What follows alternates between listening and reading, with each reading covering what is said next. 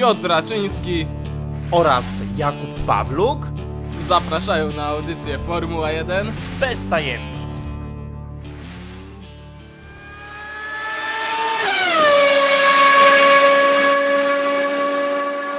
Ogólnie Piotrek, to nie wiem czy wiesz, ale e, w przyszłym sezonie, w 2022, będzie odbywało się Grand Prix Miami. Ostatnio e, FIA to ogłosiło.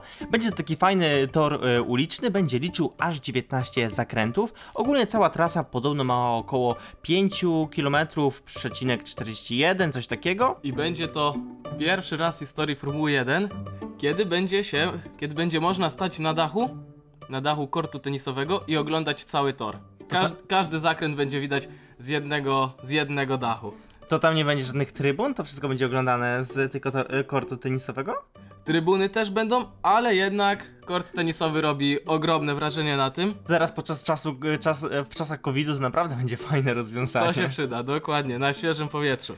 A jeszcze powiedzmy o tym torze, którego charakterystyka będzie taka, że będzie można dużo wyprzedzać. Będzie się na tym torze dużo działo. Zakręty, zakręty są przyjemne do wyprzedzania i będzie tam naprawdę, naprawdę bardzo ciekawe widowisko na tym.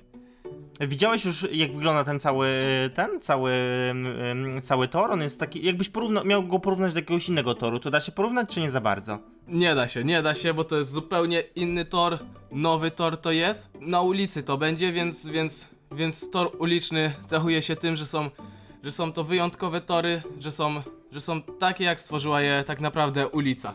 No dobrze, żeby nie było tak jak w pewnym e, poprzednim sezonie, jak George Russell e, jechał właśnie po takim torze ulicznym i jedna studzienka za bardzo wystawała i po prostu to spowodowało, że musiał zakończyć swój wyścig, bo najechał na tą studzienkę, a studzienka była bardzo wysoko umiejscowiona i rozwaliła mu pół bolidu. Oj tak, Mamy, miejmy nadzieję, że, że tego za rok nie będzie i na żadnym innym torze ulicznym też do tego nie dojdzie. Tak. To jest ciekawa sprawa właśnie z tą studzienką, do której wrócę, bo wtedy brakowało dosłownie chyba, jak podają specjaliści, około 10 do 20 centymetrów, a uderzyła ona by prosto w George'a Russella i uszkodziłaby mu kręgosłup, więc no chłopak miał naprawdę sporo szczęścia. Oj tak. Przejdźmy może teraz do kolejnego tematu, w którym porozmawiajmy może o tym, jak Hamilton zachowywał się na ostatnim wyścigu. O tak, to jest naprawdę bardzo ciekawy temat. I, I o sędziach, którzy, którzy to oceniali, gdzie naprawdę było to bardzo niesprawiedliwa ocena Red Bulla i Mercedesa. Dobrze, przytoczę y, w skrócie y, naszym słuchaczom o co chodziło. Chodziło o to, że ogólnie jeżeli jest tor wyścigowy, to on ma takie białe linie. One wyznaczają y, granice toru i oczywiście poza nie nie można wyjeżdżać. Jeżeli wyjedziemy sobie czteroma kołami wszystkimi poza e, limity toru, wtedy dostajemy na początku ostrzeżenie, a później karę. I naprawdę, e, naprawdę było to przez sędziów bardzo mocno respektowane, aż do wyścigu, gdzie siedmiokrotny mistrz świata Lewis Hamilton wyjechał sobie poza tor 29 razy, gdzie mógł zyskać, jak specjaliści donoszą, nawet 2 sekundy i nie poniósł za to, e, za to żadnej kary, a gdy raz wyjechał jego przeciwnik, teraz największy w tym sezonie, Max Max, Verstappen, Verstappen. tak, to od razu kazali mu e, przepuścić z powrotem kolegę, ponieważ go tam wyprzedził. No i, i gdzie tu jest sprawiedliwość, panie Piotrze? Sprawiedliwości nigdy nie ma i nie będzie, zwłaszcza tym bardziej, że to, to FIA jest niby niezależną, niezależnym związkiem i powinni oceniać wszystko sprawiedliwie i zgodnie z zasadami. Tak jak na przykład yy, na chwilkę przejdziemy do tego wyścigu, gdzie Mike Schumacher wyjeżdżał, wyjeżdżał cztery razy i dopiero wtedy dostał, dostał, dostał karę. Tak w przypadku Verstappena w poprzednim wyścigu dostał karę tak naprawdę od razu. Więc było to bardzo niesprawiedliwe i takie zachowania chyba należy, należy negować, prawda Kuba? Tak, zgadza się. A jeszcze z takich ciekawych wydarzeń, e, które się wydarzyły w tym poprzednim e, tygodniu, gdzie wszyscy kierowcy i teamy przygotowywaliśmy do wyścigu, wydarzyło się takie coś, że Racing Point e, ch- chce pozwać e, FIA. Co jest bardzo śmieszne, bo teoretycznie ich szanse na wygranie tego pozwu są bardzo mierne. Odważne, można by powiedzieć. bardzo odważne. A chodzi, cała sprawa e, rozchodzi się o to, że e, w tym sezonie FIA wydało taki dekret, w którym ustanowili, że zawieszenia w samochodach muszą być podwyższone, bo uważali, że tak niskie zawieszenia bardzo mocno wpływały na to, e, na zużycie opon tylnych, co też niosło ze sobą szybsze przybijanie się tych opon, ich to może- przetarcie. To można było zauważyć właśnie na tym torze Silverstone. Tak, w poprzednim wyścigach. sezonie. Tam po prostu ludzie po prostu tracili opony bardzo szybko. A bolidy były nisko zawieszone. Tak, bolidy były nisko zawieszone i oni uważają FIA, że właśnie takie rozwiązanie pomoże w bezpieczeństwie e, na torze. I rzeczywiście na pewno pomoże, lecz takie właśnie bolidy jak Mercedes, jak Williams czy jak Racing Point, czyli teamy używające jednostek napędowych Mercedesa, miały e, budowę bolidu właśnie z nisko zawieszonym tyłem. Oczywiście przebudowa tego wszystkiego wymagała przebudowy większej części e, podzespołów, e, a nie tylko tylnego zawieszenia, bo oczywiście wszystko ze sobą współgra i oczywiście spowodowało to ogromne też spadki w wydajności. Dostał e, bardzo przez to Mercedes, co teraz widać w tym sezonie, dostał bardzo przez to Racing Point i chyba najbardziej, bo spadł Najbardziej. strasznie w kwalifikacji generalnej, ale nie dostał Williams. Williams za to w tym sezonie idzie mu coraz lepiej. Musimy to, tak, będziemy tak. to obserwować, śledzić sytuację, jak to wpłynęło. Dokładnie. Bo się zapowiada Williams, że będzie w tym roku lepiej, pomimo że zmienili właściciela, to też może to troszkę wpłynąć na to, większe, większe środki dostali inne zarządzanie inżynierów, więc, więc zobaczymy, będziemy śledzić sytuację Williamsa. Jak się potoczy, zobaczymy, sezon dopiero co się zaczął, jeszcze przed nami wiele wyścigów i przejdźmy może do wyścigu. Co Kuba?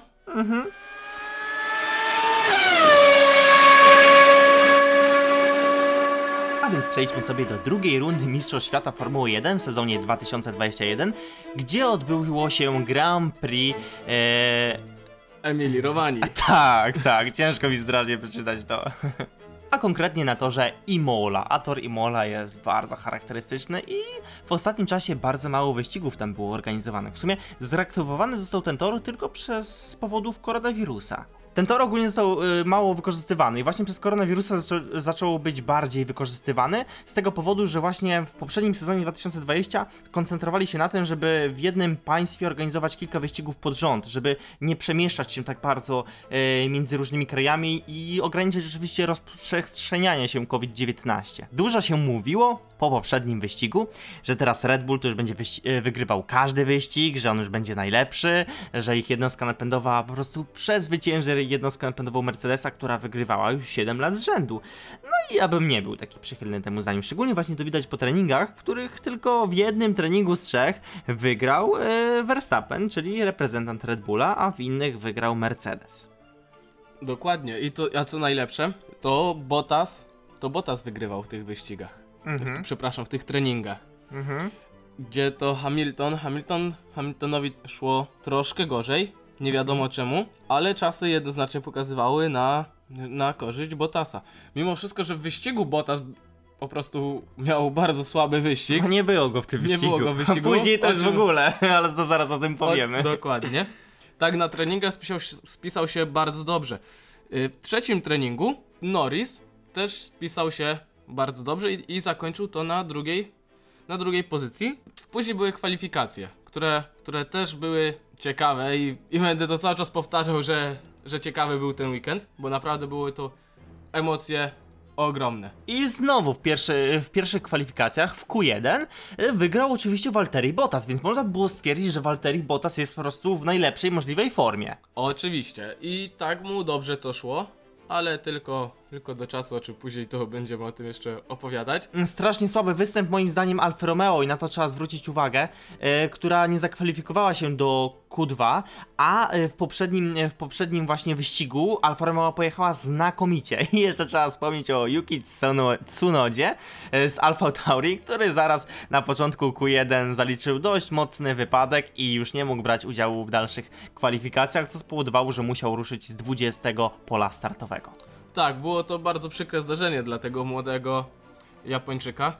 On też powiedział w wywiadzie, że, że jest to bardzo dla niego wstydliwe, jest młodym kierowcą, jeszcze się e, wdraża w to wszystko, ale dla niego najważniejsze jest zapomnieć o tym wszystkim i że jutro jest nowy dzień. Dokładnie, dokładnie tak. Co powiemy jeszcze o Ferrari? Uważam, że Ferrari bardzo stabilnie, powoli rusza sobie do przodu, ja bym jeszcze od nich za dużo nie oczekiwał. Jednak oni mają cały czas chęć wrócenia na, na szczyt Formuły 1, jak to za starych swoich do, dobrych lat. Ale to, co Ferrari cały czas powtarza, że odbudowa zespołu jeszcze, jeszcze musi trochę potrwać. Jeszcze, jeszcze nie są gotowi na to, by, by wygrywać, by, by być w czołówce, by być w czołówce tego pięknego sportu Formuły 1. Jak dyrektor wyścigowy Ferrari, e, pan Binotto, stwierdził w poprzednim sezonie e, w wywiadzie, no to do pełni takiej jakby e, chwały i pełni wydajności skuteria Ferrari wróci dopiero w sezonie 2022 po rewolucji technologicznej. A, no właśnie, czyli musimy jeszcze, jeszcze na Ferrari musimy poczekać. Ale już widać duży progres, naprawdę. W porównaniu do poprzedniego roku to jest naprawdę bardzo dobrze. Jeżeli przechodzimy do Q2, no to no to do niej zakwalifikował się właśnie kierowca e, Ferrari Carlos Sainz. No było to dosyć duże zaskoczenie chyba dla nas, prawda? Kuba? Tak, to jednak, tak. jednak powinni oni się tam dostać, ale za to Williams dobrze, dobrze, dobrze pojechał. Mhm. I George Russell zakończył swoje kwalifikacje na 12 pozycji startowej. Mhm. Czyli to jednak, jednak jest, jest, jest progres. Williams, Williams widać, że, że się starają, że, że mają postępy robią. Więc tylko czekać jak będą, jak będą dobre wyniki. Równa jazda kierowców, czekać żeby była, żeby, nie, żeby mieli jak najmniej wypadków, a efekty, efekty powinny same, same przyjść. No, patrząc na jego kolegę z zespołu e, pana Leclerca, no to on już jest na trzeciej pozycji, co jest naprawdę bardzo dobrym wynikiem. Ale wiesz co, Piotrek? Smuci mnie bardzo, e, bardzo widok naszych byłych mistrzów świata. Cztereko, czterokrotnego mistrza świata e, Sebastiana Vettela i dwukrotnego mistrza świata e, Fernando Alonso. Oni, no, bezbarwni. Oj tak. Coś, coś im słabo to idzie. Nie wiadomo, czy jest to spowodowane złym bolidem, złym wyborem zespołu, czy możesz po prostu ich wiekiem. Już Mm, może po prostu tak. są już się do tego sportu nie nadają. Każdy się w Jest- swoim czasie wypala. Tak, co nie można im odebrać ogromnych osiągów, jakie, jakie zdobyli. Jednak mistrzostwa Tak. wygrali, więc należy im cały czas się chwała. A w Q3 podziały się różne cyrki. podziały się różne ciekawe rzeczy, bo wszyscy stwierdzili, nie, no Max Verstappen musi wygrać. W końcu Max Verstappen wygrał trzecie kwalifikacje, trzeci, trzeci trening, czyli ten najbardziej znaczący, bo właśnie w tym trzecim treningu już, już kierowcy przygotowują się stricte pod kwalifikacje, a w tych kwalifikacjach Max Verstappen dopiero trzeci. Wyprzedził go kolega z zespołu, który dopiero debiutuje w Red Bull Racing Honda i jest to Sergio Perez. Tam y, była bardzo długa walka y, o to właśnie pierwsze pole position, ale no po prostu Lewis Hamilton w Mercedesie po prostu graniczył komukolwiek marzenia o to miejsce, choć różnice nie są długie, nie są duże, bo y, Perez jest na drugim miejscu, na trzecim jest Max Verstappen, z czwartego miejsca ruszył y, Charles Leclerc y, z Ferrari i piątym, co po prostu bardzo podziwiam tego chłopaka, y, Piera Gassiego, on ruszył z miejsca piątego, na szóstym był nasz kole kochany kolega Daniel Di Ricardo, a na miejscu siódmym Lando Norris. I to jest ciekawostka, on po prostu otarł się o drugie miejsce, otarł się o drugie miejsce w kwalifikacjach.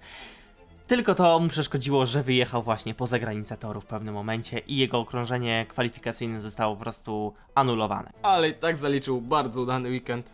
Lando Norris kończąc cały wyścig na trzeciej pozycji, więc, więc można mu to wybaczyć i zapomnieć. No, ale już jak wspomina, wspominamy o, o ósmej pozycji w kwalifikacjach Walteriego Bottasa. Ech, To się robi troszkę przykro już. oj, trochę tak. O, po prostu ja widzę, że to, to nie Lewis Hamilton odjeżdża Bottasowi. To Bottas po prostu zostaje w tyle. Zostaje w tyle i po prostu Toto Wolff, e, czyli dyrektor wyścigowy Mercedesa, będzie musiał podjąć odpowiednie kroki w przyszłym sezonie, no bo jego, jego kontrakt jeszcze trwa i chyba jeszcze kilka lat będzie trwał. Tak, ale Mercedes raczej popełnił błąd wybierając Bottasa. Jednak widać, że są lepsi kierowcy od niego. Choćby zeszłego sezonu, gdzie kierowca Williamsa na jeden wyścig zastąpił Louisa Hamiltona i osiągnął po prostu fenomenalny wynik, jadąc pierwszy raz w bolidzie z innego zespołu. Więc Valtteri Bottas chyba powinien szukać sobie nowego, nowego domu, prawda Kuba? nowego domu albo dobrej, y, dobrej emerytury, Albo- ale oczywiście tego mu nie życzymy. Tak. Przejdźmy jeszcze y, o torze i o całym wyścigu niedzielnym. O tak. który, który był na mokrej nawierzchni. Padał deszcz, warunki były zmienne, później zaczęło, z, y, zaczął tor przesychać. Zmiany opon, podjęcie decyzji na jakie opony. Zespoły podjęły niektóre dobrą decyzję, a niektóre złe. tak Niektóre jak złe. e, Zła, decy- zła decyzja moim zdaniem właśnie Alfa Tauri, która nałożyła dla Piera Gassiego właśnie opony deszczowe, łedy i założyli również opony deszczowe e, dla pana Mazepina w zespole Haas, a reszta jechała sobie na oponach przejściowych, tak pomiędzy deszczowymi a pomiędzy suchymi warunkami. To jest to taka opona, która bardzo fajnie sobie radzi właśnie w takich e, warunkach, gdzie jest mało deszczu, bo rzeczywiście tego deszczu na torze wtedy nie było dużo, ale jednak był. Tak, linia toru się zrobiła już sucha, ale żeby wyprzedzić, był nadal tor mokry i było to nadal, Bardzo, nadal bardzo dużym trudne. wyzwaniem dla kierowców, gdzie przekonał się o tym wyprzedzaniu Bottas z Russellem. Dwaj O, tak. wielcy konkurenci z różnych zespołów, gdzie to właśnie Russell chce, chce się dostać do Mercedesa i, i w pewnym sensie pokazuje swoje umiejętności, że on, że on na to zasługuje. Ale wiesz co, ta sytuacja była taka bardzo, bardzo ciężka dla Bottasa, bo Russell, w, jak twierdzą wszyscy, aktualnie przedostatnim, najgorszym bolidzie w stawce, był w stanie wyprzedzić bolid, który jest uważany teraz za najlepszy bolid w stawce. Tak. To, to tylko pokazuje, jak bardzo słaby jest Bottas, albo jak fenomenalne umiejętności posiada Russell. Ja byłbym jednak, wiesz, powiem ci, nie, nie, nie kopałbym leżącego i jednak byłbym bliżej stwierdzenia, że Russell jest naprawdę fenomenalnym kierowcą. A co powiesz o tym zdarzeniu, które było? No, to było bardzo ciekawe zdarzenie. Media zwróciły na niego bardzo szczegółową e, uwagę, ponieważ tam dochodziło po prostu do analiz godzinnych, po prostu milimetr do milimetra, kto zawinił, kto nie zawinił, po prostu tam zostało wszystko wymierzone, zanalizowane. Powtórki były 50 razy chyba, albo 50 tysięcy razy nawet puszczane. Ogólnie w tej sytuacji e, doszło do konfliktu między George'em Russellem a Walteriem Bottasem. I Russell, chcąc wyprzedzić Bottasa, zjechał na mokrą, na mokrą nawierzchnię toru, a, a za chwilę zjechał na, na trawę, która wprawiła go w ogromny poślizg i w konsekwencji bardzo poważny wypadek. Ale pytanie, czemu zjechał na trawę? Wiesz Piotrek czemu? Nie wiem, A widzisz, bo to jest bardzo ciekawe. Jeżeli dokładnie zanalizujemy y, kamerę pokładową Walteriego Bottasa w Mercedesie, który był wyprzedzany, ogólnie też trzeba wspomnieć, że y, miejsce, gdzie y, doszło do wyprzedzania, było dość ciasnym miejscem. I tam Walteri Bottas, widząc w lusterku, że zbliża się do niego George Russell, ruszył gwałtownie, dosłownie na milisekundę w prawo kierownicą, w stronę y, wozu swojego przeciwnika. George Russell bardzo przestraszył się tego e, manewru, który prawie był niewidoczny z ogólnej kamery, ale był widoczny z kamery pokładowej, bo widać było to machnięcie kierownicą Walteriego Bottasa i George Russell bardzo przestraszył się tego i chciał się ratować. I teraz e, właśnie FIA analizowało, kogo to była wina. Czy nakładać jakieś kary za to, czy nie nakładać. Czy była to wina Walteriego Bottasa z tego powodu, że e, on machnął kierownicą i zmienił tor jazdy i chciał po prostu zagrozić swoim przeciwnikowi? Czy była zatem to wina George'a Russella, który, który się przestraszył. który się przestraszył i który po prostu nie zachował odpowiedniego bezpieczeństwa podczas e, wyprzedzania? Tak, Russell, Russell mógł chyba trochę poczekać z wyprzedzeniem, jeszcze to był w miarę, w miarę wczesny etap wyścigu, więc mógł jeszcze poczekać, miał jeszcze czas na to, żeby, żeby ze spokojem wyprzedzić tego Bottasa. Chyba to podjął za bardzo pochopną decyzję. Jak to młody I, kierowca? i wyprzedzeniem. No tak, ale no jest ambitny, chce wyprzedzać, ale trzeba, trzeba chwilę cierpliwości i pokory, aby, aby to wyprzedzić, aby dokonać czegoś, żeby pokonać tego Mercedesa. I miejmy nadzieję, że, że się to w końcu uda. i Że Russell, Russell będzie, będzie, będzie jechał dobre wyścigi, nie będzie miał wypadków i będzie to dobrze, dobrze to dla, na jego wizerunku Tak, wyglądało. ostatecznie, ostatecznie FIA stwierdziło i uznało to wydarzenie jako incydent wyścigowy, więc po prostu nikt nie poniósł, nie poniósł za to konsekwencji. I chyba bo- to, Chyba słusznie, chyba słusznie, Tak. bo rzeczywiście ta sytuacja była mala, mało klarowna, choć specjaliści twierdzą, że to była jednak wina Russella, bo to właśnie kierowca z tyłu, który ma wyprzedzać, on, na nim leży cała odpowiedzialność za bezpieczeństwo. tak. Dobra. No dobrze, Kuba. Mhm. Omówiliśmy wypadek, później była czerwona flaga, Tak, tak. co Bo po prostu przez ten wypadek, cały, cały zakręt, w którym dokonał się ten wypadek, był po prostu tak zaśmiecony częściami od, i różnymi odrobinkami, po prostu pyłem, kurzem, piaskiem, żwirem, wszystkim, że nie dało się przejechać i potrzebowaliśmy po prostu zatrzymania tej sesji wyścigowej.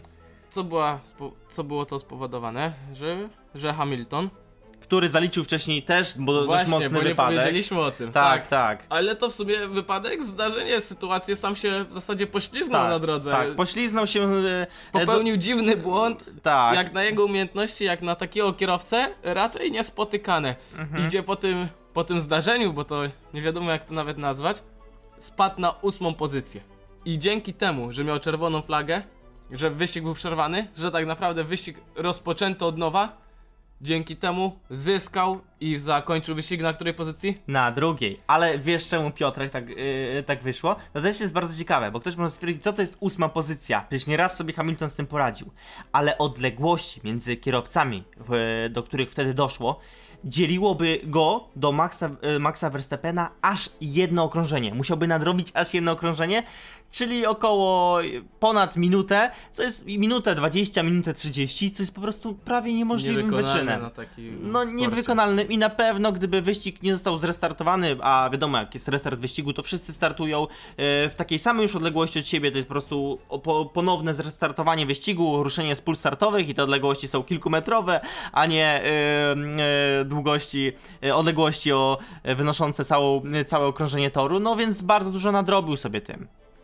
Tak, przez, ale też jakby miał, jakby był cały czas wyścig kontynuowany, by musiał się zmierzyć z innymi kierowcami i ich wyprzedzać. Tutaj jak mając tak małe odstępy, robił okrążenie, włączał DRS-a, wyprzedzał bez problemu i tak z pokorą można powiedzieć, wyprzedzał wszystkich. Tak, to było widać to jego doświadczenie. Właśnie to odróżnia właśnie Hamiltona od Russella, że Hamilton potrafił jechać prawie zderzak, zderzak tak to nazwijmy, za kierowcą i po prostu czekać na jego błąd i spokojnie, z cierpliwością wyczekiwać odpowiedniego momentu. On potrafił nawet za e, Landem Norrisem, którego ostatecznie jednak wyprzedził, potrafił przejechać chyba 3 albo 3-4 okrążenia, non-stop, konsekwentnie czekając i czekając. Raz nawet spróbował e, podjąć wyprzedzanie, mu to nie wyszło, ale się nie przejął. Spokojnie dalej kontynuował jazdę za nim, za e, Landem Norrisem, który po prostu dowiózł te trzecie miejsce e, na oponach po prostu prawie całkowicie zdartych, bo w przeciwieństwie do innych, on nałożył sobie po czerwonej fladze opony e, miękkie, czerwone, e, które jednak, no nie oszukujmy się, bardzo szybko się ściera, ścierają w porównaniu do reszty stawki, która raczej zakładała opony żółte, czyli takie e, te pośrednie, które raczej ich ścieralność jest e, wolniejsza. Tak, to też może być, bo to była raczej dobra decyzja z, ze strony McLarena. I to są też znakomity, znakomity, znakomity wynik dla Norrisa. Jednak drugi raz chłopak stanął na podium. Wybrali dobre to opony, miękkie opony. Tak, dały mu tu na pewno dużą przewagę na starcie, bo jednak różnica między czerwonymi oponami a żółtymi to y, specjaliści, specjaliści donoszą, że to nawet może być pół sekundy na okrążeniu. Czyli jednak dla przypa- w przypadku tego młodego kierowcy widać, że to był słuszny wybór, dobry wybór i pewnie dowiózł to trzecie miejsce. Pomimo tego, że jechał cały czas drugi, myślę, że on miał świadomość tego, że Hamilton go wyprzedzi, prawda Kuba? Raczej, Raczej tak. było- Też, też jakoś nie, bronił się w jakiś dziwny sposób, tylko też zachował się z odpowiednią pokorą. Też warto teraz tak na szybko cofnąć się do początku wyścigu, gdzie, bo jak wiemy z kwalifikacji, Norris był za Ricardo, za swoim kolegą wyścigowym, ale już po kilku okrążeniach e, zauważyli, e, zauważyli mm, dyrektorzy wyścigowy, e, wyścigowi McLarena, że Norris jedzie o wiele szybciej i po prostu rozkazali Ricardo, żeby go przepuścił. I Ricardo go przepuścił też z pokorą, bo jest to, to też bardzo doświadczony e, zawodnik i już Norris pomknął e, bez, e, bezproblemowo na tą drugą, a później trzecią pozycję. Tak, było to dobre zachowanie Daniela. Słusznie postąpił, posłuchał się, posłuchał się zespołu. Ale Jednak- widocznie wyścig dla e, Daniela Ricardo nie był dzisiaj jakiś taki wspaniały, bo wyprzedziły go aż e, e, dwa samochody Ferrari, które też nie ujmując pojechały bardzo fajny wyścig. Ale jednak Ricardo pierwszy raz, pierwszy sezon jest w Tak. zespole, więc On mówi, jeszcze, że też się uczy. jeszcze się wprowadza tak naprawdę Mhm. w ten bolid, musi go dobrze wyczuć, więc jeszcze po Danielu myśl, uważam, że nie ma co Mhm. spodziewać jakichś fenomenalnych wyników, ale będzie się rozkręcał i McLaren po, uważam, że powinien trzecie miejsce w klasyfikacji konstruktorów bez problemu w tym sezonie uzyskać, prawda Kuba? Mhm, Czy tak myślisz, że, to, że Ferrari jednak będzie lepsze? Wiesz co, ja to jednak... będzie ciekawa Moje walka. serce nadal przy Ferrari, twoje chyba przy... Moje przy McLarenie. Ja Tak. jestem fanem McLarena, więc kibicuję, kibicuję Mhm. temu zespołowi. Ale będzie to ciekawa walka i będziemy Będzie to cały walka. czas na pewno śledzić. Wydaje mi się, że będzie mocna walka o pierwsze miejsce między Mercedesem a e, Red Bullem i będzie ogromna walka o trzecie miejsce właśnie między Ferrari a McLarenem, bo uważam, że takie zespoły jak Aston Martin czy e, Alpine no nie zagrożą w tym sezonie. e, Raczej jeszcze- tych, jeszcze no, nie. ogromne spadki zespołu, ogromne spadki zespołu Aston Martin, to nawet nie ma o czym mówić, e, dopiero e, Stroll na ósmej pozycji, a Vettel po dużych problemach e, opuścił wyścig chyba na przedostatnim okrążeniu, bo miał chyba ogromne pro problemy z bolidem, no a Alpin Ocon na miejscu dziewiątym, a nasz stary wyjadacz Alonso dopiero na miejscu dziesiątym, na jedenastym Perez po karze którą otrzymał. Yuki Tsunoda też po karze, którą otrzymał dopiero na miejscu 12, na 13 Raikkonen, na 14 Giovinazzi, na 16 Miki Schumacher i na 17 Mazepin. Jeszcze pozwolę powiedzieć o Alpin, które Mhm. w tym roku zmieniło nazwę z Renault na Alpin, ale nie będziemy tłumaczyć dlaczego. I to w tym roku jednak widać po tych dwóch wyścigów, wyścigach, że chyba to nie będzie ich udany sezon. Jednak poprzedni sezon, gdzie kończyli na czwartej pozycji, Czwartej albo piątej. czwartej albo piątej pozycji klasyfikacji konstruktorów. Ale walczyli mocno trzecią. Walczyli mocno trzecią, dokładnie, a w tym roku raczej tej szansy Mhm. mieć nie będą na powtórzenie tego, aczkolwiek jeszcze poczekamy, jeszcze będziemy oglądać.